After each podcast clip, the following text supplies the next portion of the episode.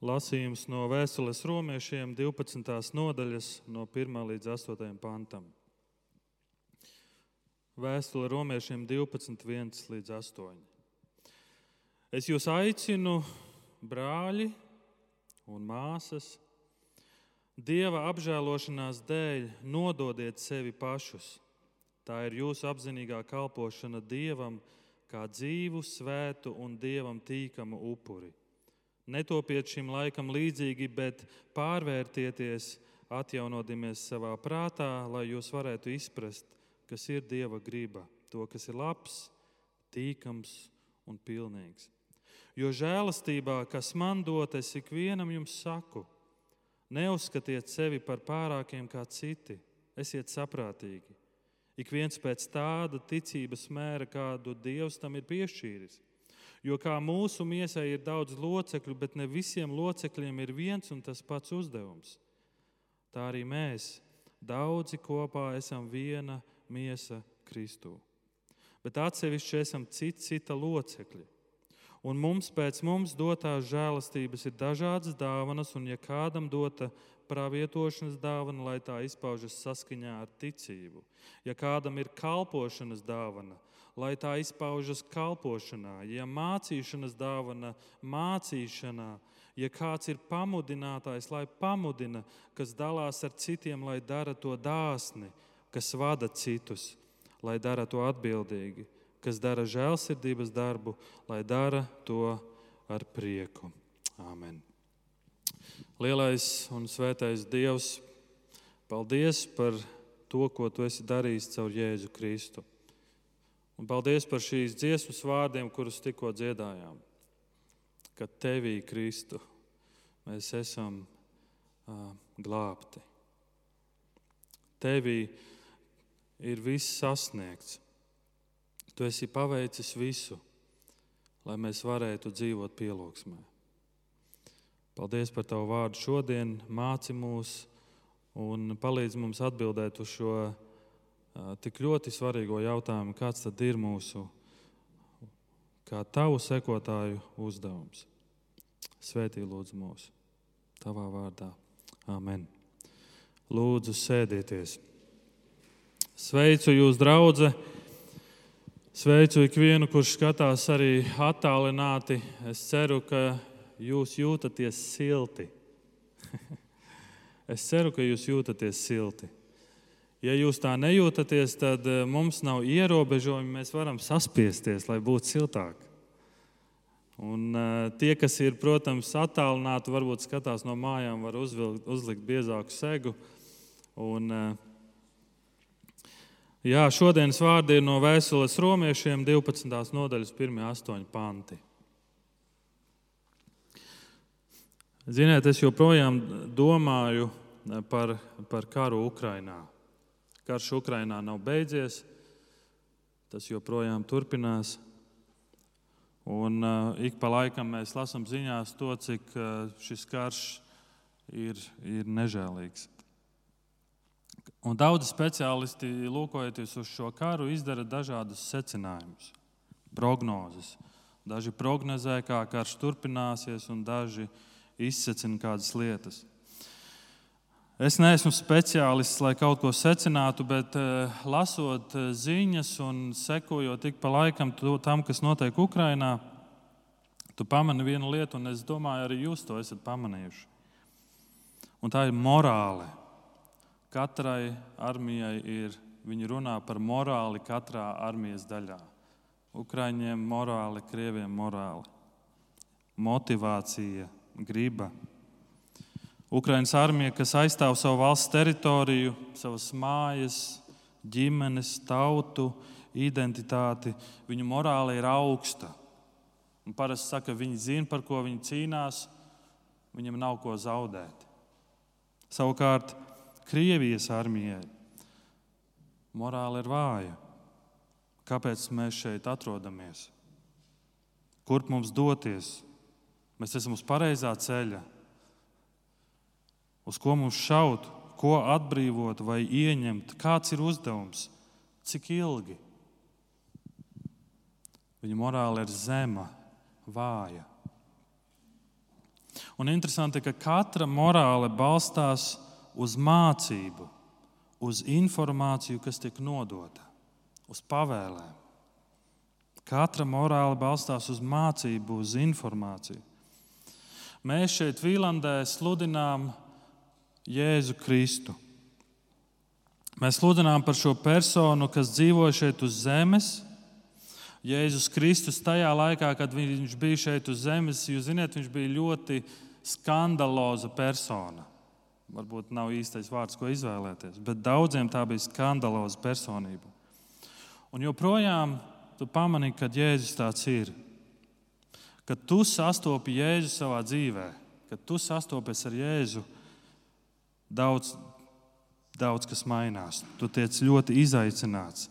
Kad tu savā dzīvē pieņem Jēzu, tava dzīve pilnībā mainās. Tāpēc tik daudz šodien par Jēzu nemazām negrib dzirdēt. Jo tad, kad viņš ienāk tavā dzīvē, kādi teiktu, viņš sāk skandalēt. Tas, ko Reinis lasīja ievadā, Mēs varam lasīt šo pašu notikumu arī Mateja evanģēlijā 21. nodaļā. Jēzus iegāja templī un izdzina ārā visus, kas templī pārdeva un pirka, apgāza naudas mieju galdus un baložu pārdevēju solus. Un viņš tiem sacīja, ir rakstīts, manu namu sauc par lūkšanu namu. Bet jūs to esat padarījuši par laupītāju mīdzeni.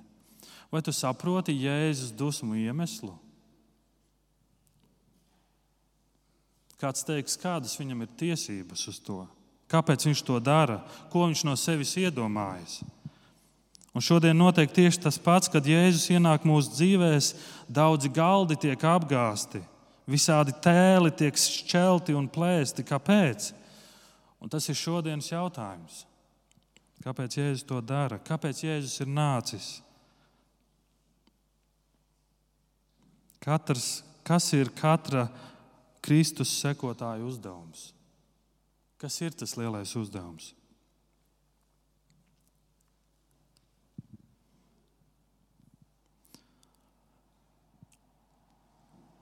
Tā ir privilēģija, tā ir privilēģija rādīt un demonstrēt to, ko Dievs cilvēkos ir paveicis caur Jēzu Kristu. Tā ir privilēģija rādīt un demonstrēt to, ko Dievs cilvēkos ir paveicis caur Jēzu Kristu. Rādīt, demonstrēt, novērtēt. Tā ir pielūgsme. Pielūgsme ir viena no Bībeles lielajām tēmām. Kaut arī šodien šis vārds tik ļoti ir pārprasts, pārvērtēts, nesaprasts, bet pielūgsme ir liela tēma Bībelē. Un tad tas, ko mēs šodien lasām no romiešiem 12. nodaļas, un mēs tur lasām, ka Pāvils, šis, šīs vēstules autors, mūs aicina uz kaut ko. Un tas, uz ko mums viņš aicina, viņš aicina mūs uz sevis nodošanu Dievam. Un tas, ko viņš saka jaunajā tulkojumā, viņš saka, tā lai ir jūsu apzinīga kalpošana. Tā lai ir jūsu apzinīga kalpošana. Pāvils saka, nodot sevi, nodot sevi Dievam. Un tā lai ir tava apzinīga kalpošana. Bet angļu valodas eh, dažādos tulkojumos man patīk, kā tur tas ir aprakstīts. Nodot sevi Dievam, un tā ir garīgā pielūgsme. Tā ir tava garīgā pielūgsme. Mans mērķis nav iedziļināties dažādos tulkojumos, ko katrs saka, bet es vēlos, lai mēs ieraugam šodien kādu ļoti svarīgu lietu. Jēzus ir mūsu pielūgsmes vadītājs. Jēzus ir mūsu pielūgsmes vadītājs. Pielūgsme nav veids, kā mēs nopelnām dieva labvēlību.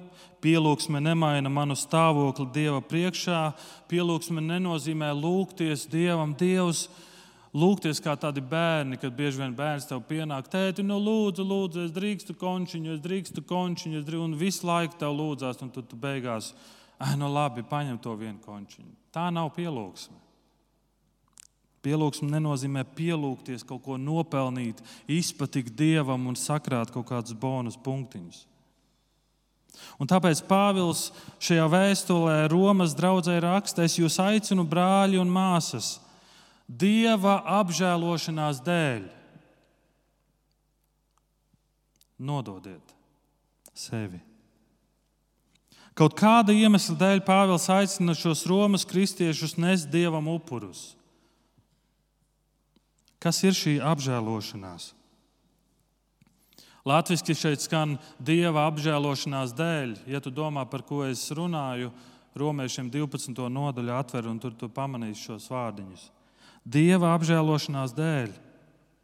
Kas ir šī apžēlošanās? Un angļu valodā tas skan mercies of God, Dieva žēlastību dēļ, žēlastības daudzskaitlī. Ir kaut kādas daudzas dieva žēlastības mūsu dzīvē, un tādēļ Pāvils saka, upurē. Upurē. Vai mēs kādreiz Vīlandē esam no priekšas teikuši, draudzē, teoloģija ir ļoti svarīga? Nekad, nekad tu to neesi dzirdējis. Mēs esam to teikuši. Varbūt tajā reizē tu neesi bijis. Teoloģija ir ļoti nozīmīga. Mācība par Dievu ir ļoti, ļoti svarīga. Un kāds tagad šajā brīdī domā, tas ir tāpēc, ka tu esi mācītājs, tu esi sludinātājs, tāpēc tu izmanto šo sarežģīto vārdu, un tev liekas, teoloģija ir kaut kas ārprāts. Man neinteresē. Teoloģija ir mācība par Dievu. Tā ir ļoti svarīga. Kad Pāvils runā par dieva apžēlošanos, viņš runā par Jēzu. Un jau no vēstules romiešiem pirmās nodaļas līdz pat 11. nodaļai Pāvils sludina Jēzu. Viņš saka, draudzē, Jēzus ir Dieva evaņģēlijs. Jēzus ir labās ziņas. Un tāpēc pirmajā nodaļā Pāvils raksta, es nekaunos no evaņģēlija. Tas ir Dieva spēks ikvienam, kas tic, es to no tā nekaunos.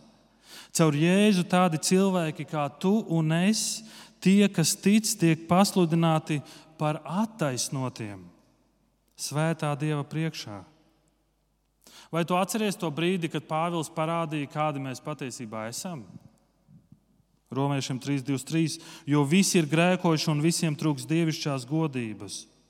Pāvils saka, nav neviena taisna, īsti neviena, un tad vēl tiek izteikta šī doma, vēl spēcīgākā izteiksmē, mēs visi bijām garīgi miruši.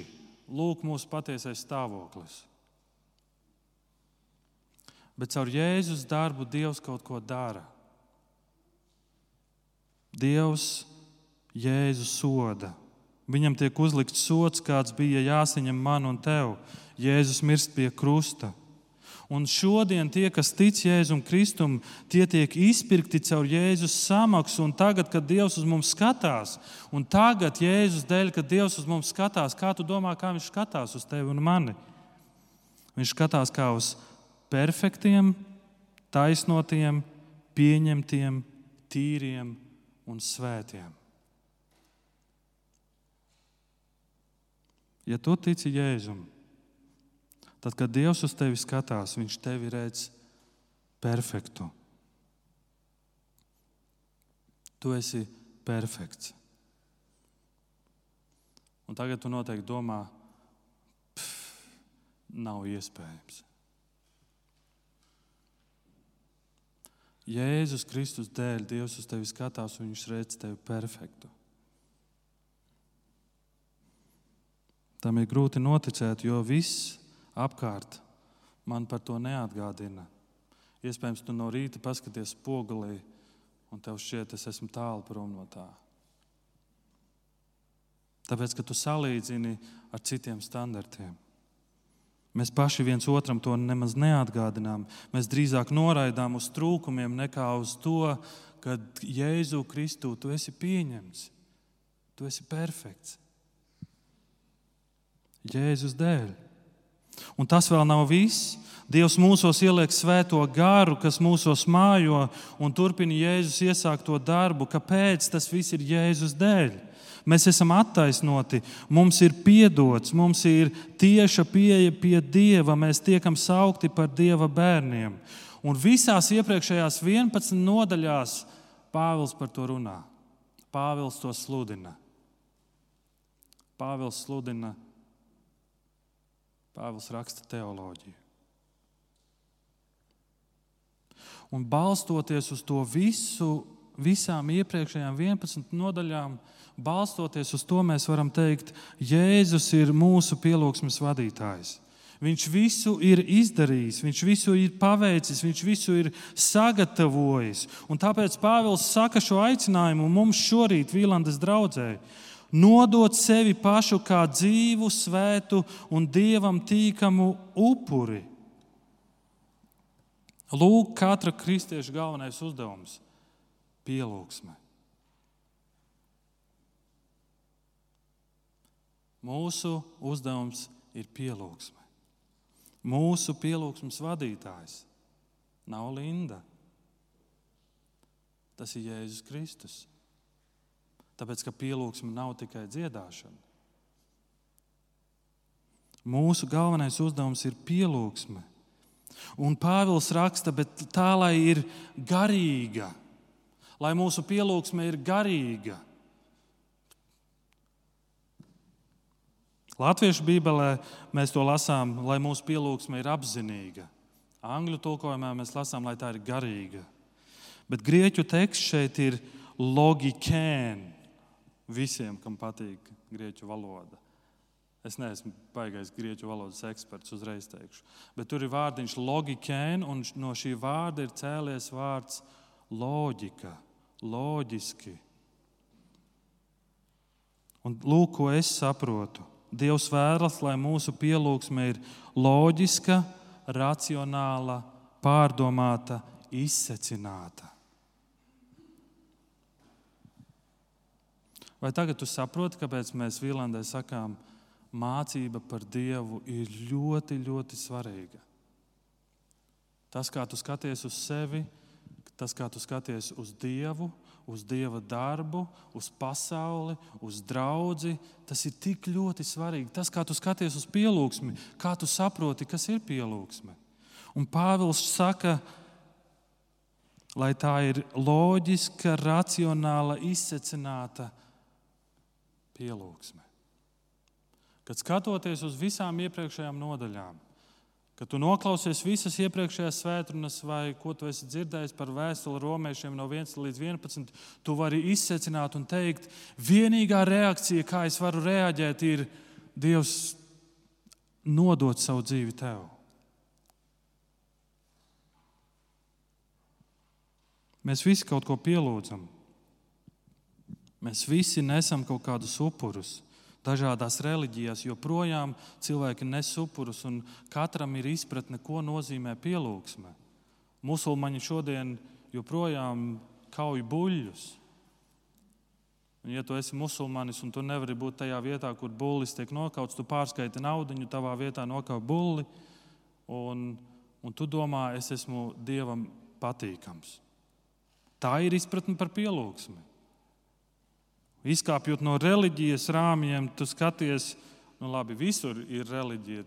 Tu skaties, cilvēki pielūdz savu darba vietu bieži vien, un tu redzi, cilvēki savu dzīvi nodod savai firmai, cerot, ka gaidot uz firmas labvēlību, uz to, ka tu tiksi pamanīts, tu tiksi paaugstināts amatā, tu saņemsi bonusus, un, un arī šiem cilvēkiem ir izpratne par pielūgsmi.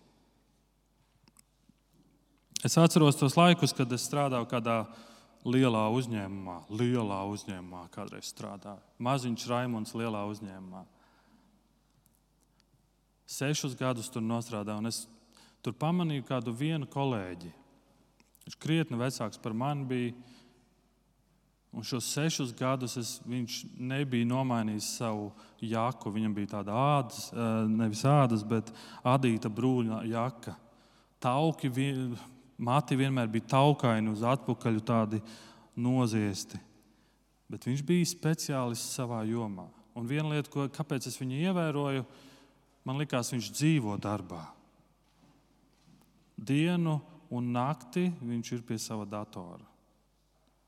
Mans darbs saistījās ar datoriem. Viņš bija speciālists, bet atceros viņu daudz smēķējumu. Man liekas, viņš dzīvo savā darbā.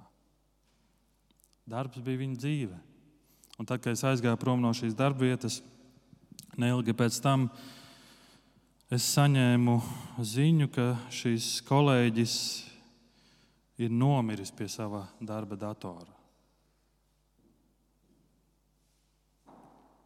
Lūk, viņa upuris. Lūk, viņa upuris. Mēs visi kaut ko pielūdzam. Bet tas, ko Pāvils mums šodien grib teikt, Jēzus ir mūsu vienīgais pielūgsmes vadītājs. Viņš ir vienīgais, kas pielūgs mūsu dzīvēm, dara iespējamu. Viņš dara mani svētu, viņš dara mani pieņemtu, viņš dod man savu svēto garu. Un tu iespējams jautās, kāpēc es runāju vecās derības valodā par upuriem kaut kādiem. Šodien mums taču nav jānes upuri. Pāvils runā vecās derības valodā. Un vecajā derībā augstais priesteris bija tas, kurš nesa upuri Dieva priekšā, upuri, kurš bija nevainīgs. Viņam bija jābūt perfektam, nevainīgam, un priesteris bija tas, kurš rādīja to Dieva priekšā un upurēja. Rādīja, demonstrēja un upurēja, uz, lika uz šī altāra. Upurim bija jābūt nevainīgam, perfektam. Un tad es lasu pirmo pantu. Es jūs aicinu, brāļi un māsas, Dieva apžēlošanās dēļ, nododiet sevi pašus kā dzīvu, svētu un dievam tīkamu upuri. Pagaidi, Dievs tagad grib, lai es upurēju sevi, lai es upurēju savu dzīvi. Bet kā es varu upurēt kaut ko, kas nav perfekts? Kā es varu upurēt kaut ko, kas nav tīrs? Kā?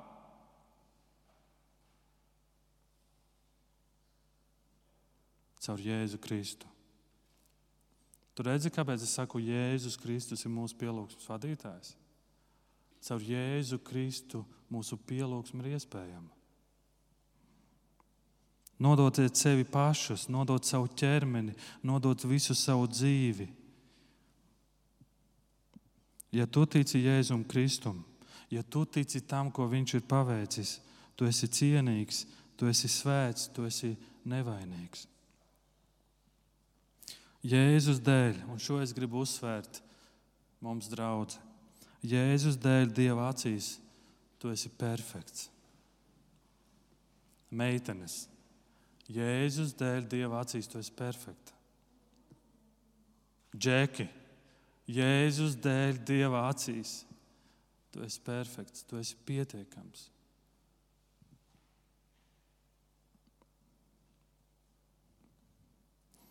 Vairs nav vajadzīgi miruši zvēri. Aicinājums ir nodot sevi katru dienu, trenižera zālē, darbā, mājās, dušā, dzīvojamā istabā, 24, 7. Mana dzīve, viss, kas es esmu, mans ķermenis, ir pielūgsme Dievam. Vai pagājušā nedēļā ir bijusi vieta, kur tu esi devies, bet neesi, neesi ņēmis līdzi savu ķermeni. Ir bijusi tāda vieta? Nē, tas nav iespējams. Un līdz ar to mēs visur, kur mēs ejam, mēs ņemam savu ķermeni līdzi. Tāpēc Pāvils saka, nododiet sevi visu. Nodot visu. Nav tāda vieta, kur tu dodies, lai neņemtu līdzi savu ķermeni. Tāpēc visu to dzirdot, ko Jēzus ir paveicis manis labā, mana loģiskā atbilde ir Dievu pielūgt ar visu un nodot visu savu dzīvi Viņam. Tie, kas tā nedzīvo, vai nu nav dzirdējuši par Jēzu, nav saņēmuši no Jēzus, vai arī ir bijuši slinki, lai iedziļinātos tajā, kas tad ir Dieva evaņģēlijas. Tie, kas tā nedzīvo, tie, kas nenodod visu savu dzīvi, neizprot evaņģēliju. Mēs nesaprotam tad evaņģēliju. Kaut kas pietrūkst. Un rezultātā rezultāts ir liekulība. Mateja 15,8 Jēzus saka šādus vārdus: Liekuļi, Jēze ir labi par jums pravietojis. Šī tauta godā mani ar mēli, bet viņu sirds ir tālu no manis. Mīļā Vīlāns draudzene, mums ir jāstaigā savā ticības dzīvē. Mums ir jāstaigā savā ticības dzīvē. Mēs esam daudz dzirdējuši, mēs esam daudz jā, mācījušies. Mums ir jāstaigā.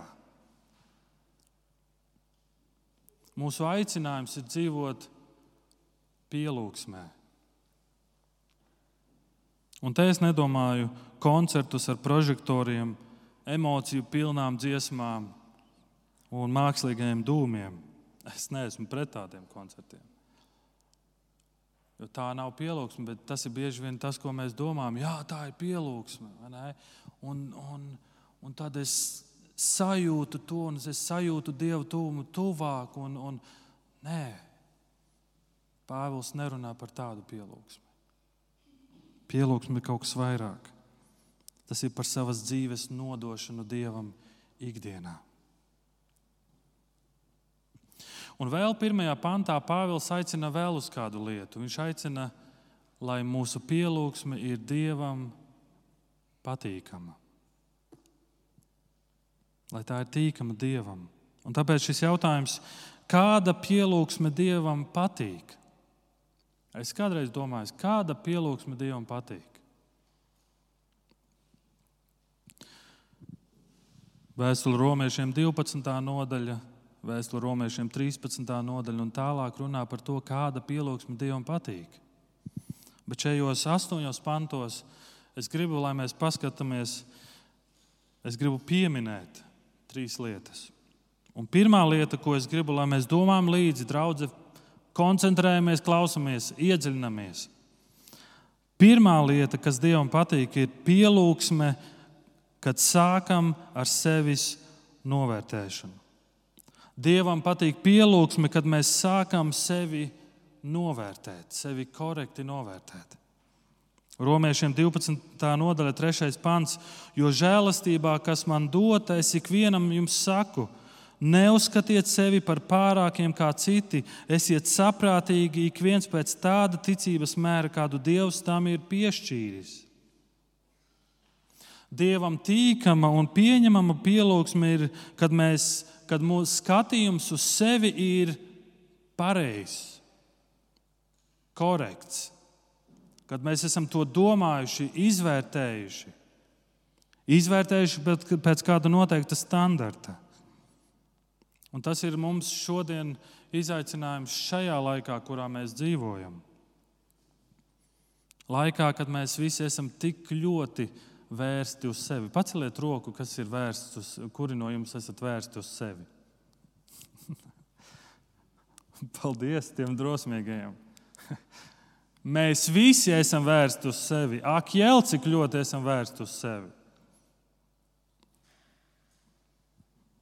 Daudziem es izklausīšos kā vecs onkulis, bet darbojoties ar pusaudžiem un uz jauniešiem, to nevar nepamanīt, cik viņi ir ļoti vērsti uz sevi.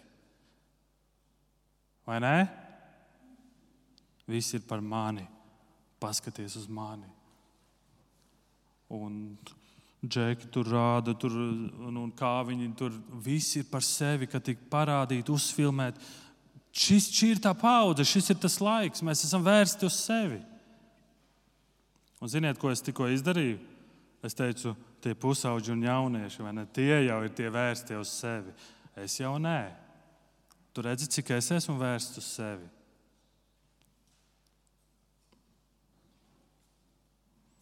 Mēs cenšamies celt savu tēlu, mēs cenšamies būt labāki par citiem, mēs salīdzinām sevi ar citiem.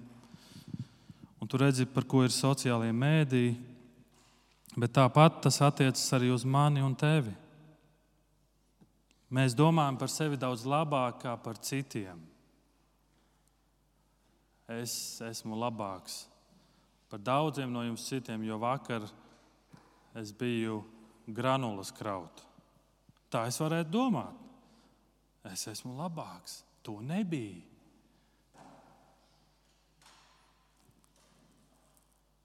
Mēs sevi salīdzinām ar citiem, un tas ir viens no grāviem, kuram mēs iekrītam.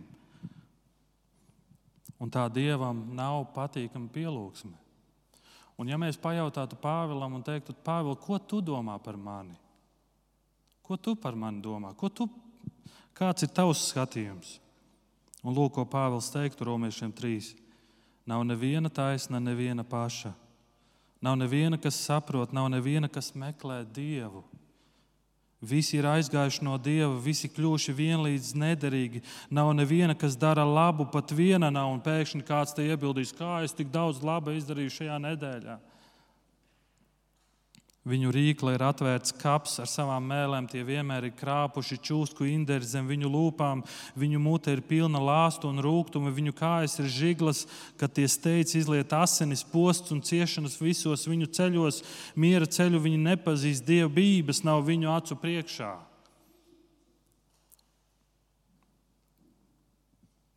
Bet, kad mēs ticam Jēzus Kristus darbam, Mēs esam apžēloti, mums ir piedots, mēs esam izmainīti.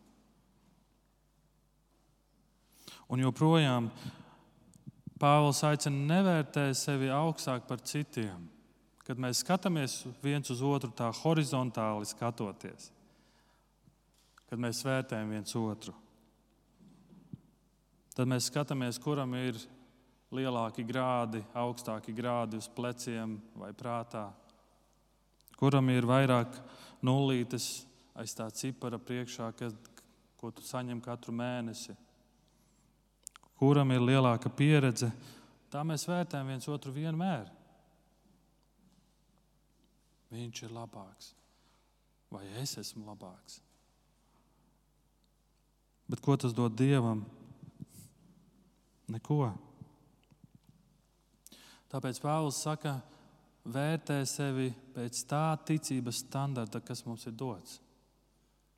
Vērtējiet sevi pēc evaņģēlijas standarta. Mēs visi esam nepilnīgi, bet Jēzu Kristu viņš dara mūs pilnīgus.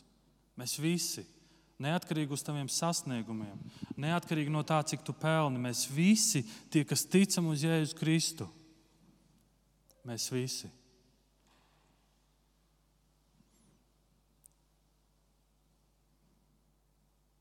Dieva evaņģēlijas standarts ir tas, kas pielūgsmi dara patīkamu.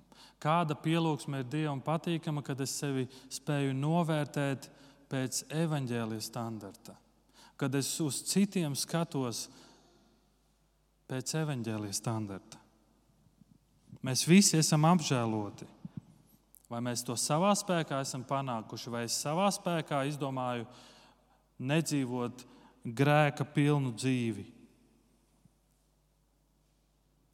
Nē, tas ir Jēzus Kristus nopelns. Un šis ir ļoti svarīgi, tāpēc, ka tad, kad mēs sevi spējam novērtēt un mēs vērtējam sevi pēc šī evaņģēlijas standarta, mēs spējam nodot sevi viens otram. Kad mēs sevi pareizi novērtējam, pēkšņi mēs spējam nodot sevi viens otram. Un ko es ar to domāju? Un tas ir otrais punkts. Dievam patīk pielūgsme, ka ķermenis funkcionē pareizi. Dievam patīkama pielūgsme ir, ka ķermenis funkcionē pareizi. Un šeit es gribu sākt ar ļoti ar svarīgu piezīmi. Šeit Pāvils runā par draugu. Šis nav par individiem, par cilvēkiem ar kustību traucējumiem. Šeit Pāvils runā par draugu.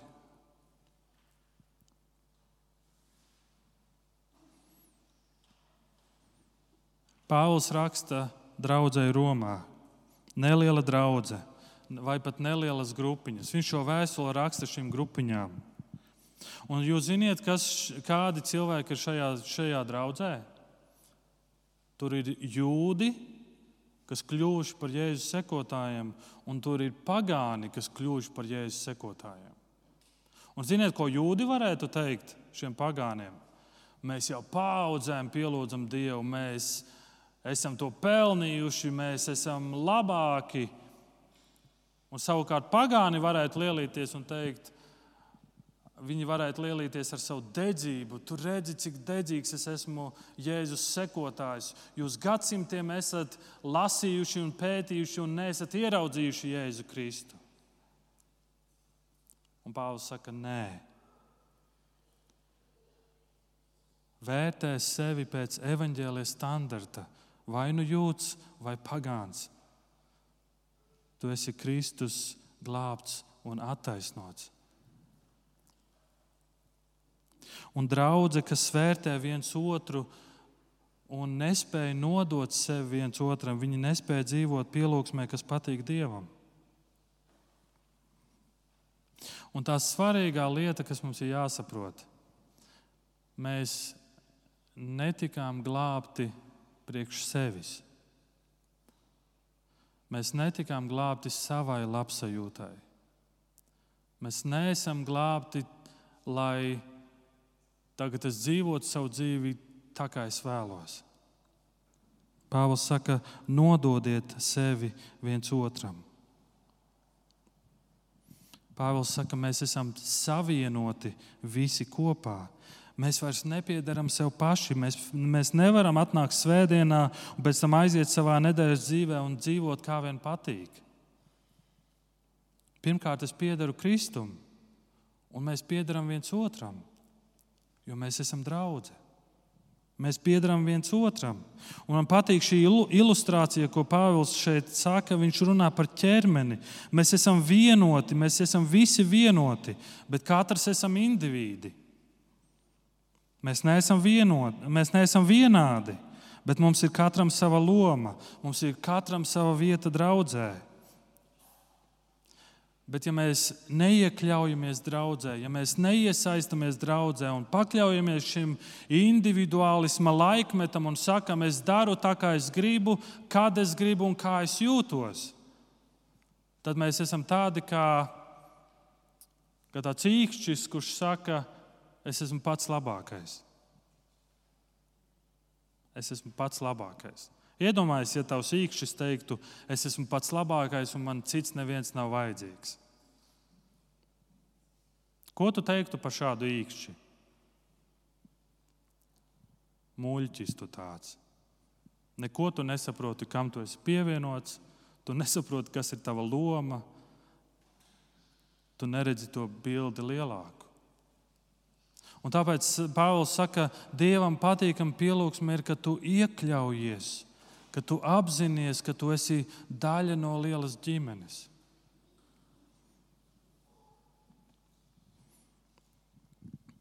Man uz garāžu nāk viens sportot, uz garāžu nāk viens džeks. Viņš ir arī mūsu draugs loceklis, Reinis. Un kādā reizē bija tā, ka viņš, viņš salauza savu roku, labās rokas mazo pirkstiņu. Un, uh, tad es viņam rakstu, nu, uz treniņu būsi. Nē, nebūšu salauzu mazo pirkstiņu. Es, es nosmējos, es, pff, kas tas par attaisnojumu? Mazo pirkstiņu salauzu vai ne? Un, un nevaru pavingrot. Un tad viņš atnāk uz treniņu, un es redzu, viņam visa tā roka tā diezgan nopietni apbintēta. Tur bija operācija. Un es saprotu, mazā pirkstiņa dēļ viņš bija tik ļoti ierobežots savā kustībā. Un kāds teiks, kas es esmu? Es esmu tikai mazs pirkstiņš. Mani nepamanīs, es neesmu vajadzīgs šeit. Bet tas, ko Pāvils saka, ka tu esi pievienots šai ģimenei, ik viens ir svarīgs šai ģimenei, jo tad, kad mēs funkcionējam pareizi, kad ķermenis funkcionē pareizi, kā draudzene, šī pielūgsme Dievam ir patīkama. Šī pielūgsme Dievam ir patīkama. Kāds mācītājs reiz teica, un man ļoti uzrunāja šī doma. Mēs esam dāvana viens otram no Jēzus Kristus. Mēs esam dāvana viens otram no Jēzus Kristus. Paskaties pa labi, paskaties pa kreisi. Tu tiešām saskati, vien, ka mēs viens otram esam dāvana. Bet tas ir tas, ko Jēzus Kristus ir darījis, kad mēs esam, kad Jēzus mūs ir glābis, Viņš pievieno mūs šai lielai ģimenei, un Jēzus saka, jūs esat dāvana viens otram. Bieži vien, kad tu skaties viens uz otru, tu domā, tāda dāvana. Un Pāvils saka, nodot savu ķermeni, nodot savu dzīvi, novērtē sevi pareizi, kas tu esi. Un nododies, nododieties viens otram. Tā pielūgsme ir Dievam patīkama. Ja tu saki, es esmu individuālists, man draugi nevajag, man nevienu nevajag, man mazo grupiņu nevajag, es pats viens pielūgšu Dievu, es Dievu sajūtu citādākā veidā, tu neesi sapratis pielūgsmi. Tu neesi sapratis pielūgsmi. Un trešā lieta. Dievam patīk pielūgsme, kad viņa resursi tiek pareizi izmantoti. Romiešiem 12, 6 līdz 8. Un mums pēc mūsu dotās žēlastības ir dažādas dāvanas. Un tad Pāvils uzskaita septiņas dāvanas. Kam ir pravietošanas dāvana, lai tā izpaužas saskaņā ar ticību, kam kalpošanas dāvana, lai tā izpaužas kalpošanā, mācīšanas dāvana, mācīšanā, pamudināšanas, iedrošinājuma dāvana, pamudiniet, kas dalās, lai dara to dāsni, kas vada, lai dara to atbildību, kas dara žēlsirdības darbu, dari to ar prieku. Dievs mums katram ir devis dāvanu. Mums katram ir sava dāvana. Un tāpēc tas bija tas uzdevums, ko mēs sākumā jums likām uzrakstīt. Kā tu redzi, kas ir tā tava dāvana, ko Dievs tev ir devis?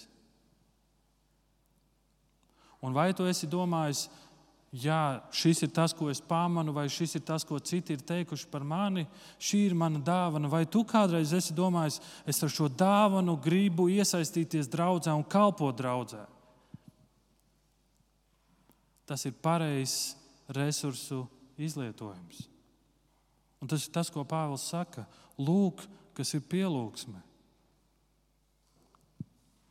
Ka tu iesaisties un tu, to, un tu kalpo draudzē. Šeit ir minētas septiņas dāvanas. Tās nav visas dāvanas, kas minētas Bībelē. Bībelē ir minēts vēl daudz vairāk.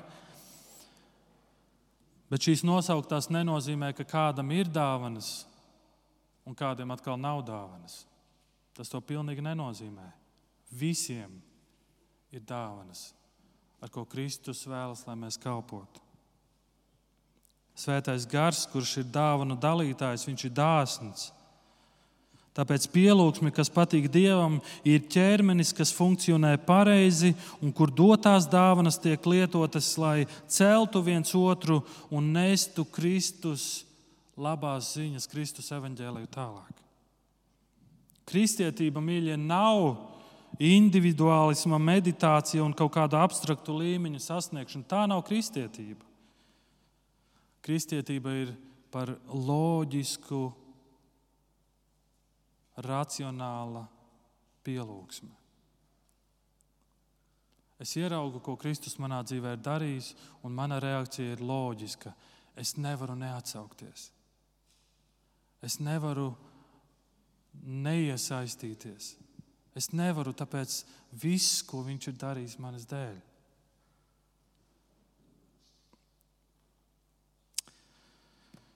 Nu, Raimond, tu gari te runā un skaisti, bet ko darīt brīžos, kad es nogurstu? Ko darīt brīžos, kad man nav spēka? Un tāpēc nobeigumā vienu pantu, ko varbūt jūs ievērojat, es izlaidu.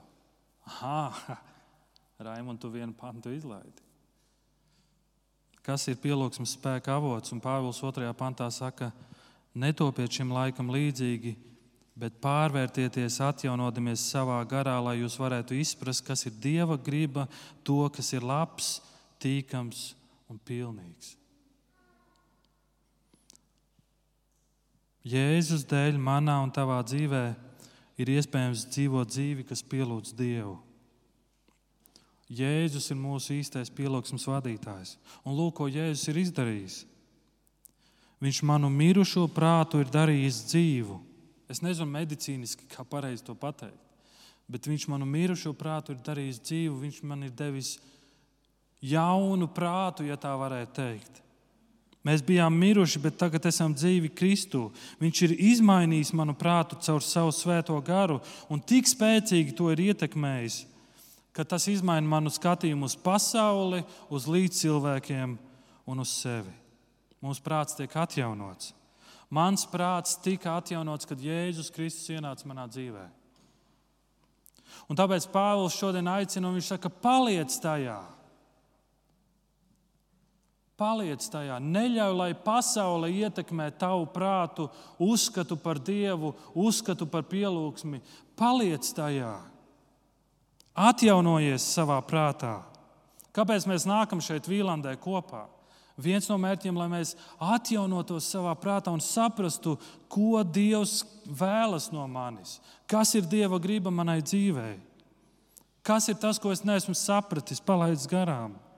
Mēs nākam, lai dziedātu dziesmas, psalmus, un kad mēs dziedam, dziedam dziesmas, mēs dziedam vārdus, kas ietekmē mūs, kas atjauno mūs. Mēs nākam, lai pateiktos, un mēs nākam, lai klausītos Dieva vārdā. Un tas ir tas, ko Svētais Gars dara caur savu svēto vārdu. Viņš turpina atjaunot mūsu prātu dienu no dienas dienu no dienas. Kad mūsu prāts atjaunojas, mēs saprotam Dieva gribu. Un, atg... un tad, kad mēs saprotam Dievu gribu, zinām, kas notiek? Mēs atgriežamies pie pielūgsmes. Mēs atgriežamies pie patiesas pielūgsmes. Kad mēs dzīvojam pielūgsmē, apkārtējiem tas ir pierādījums, mēs apkārtējiem pierādām, ka Dieva prāts un griba ir laba, tīkama un pilnīga.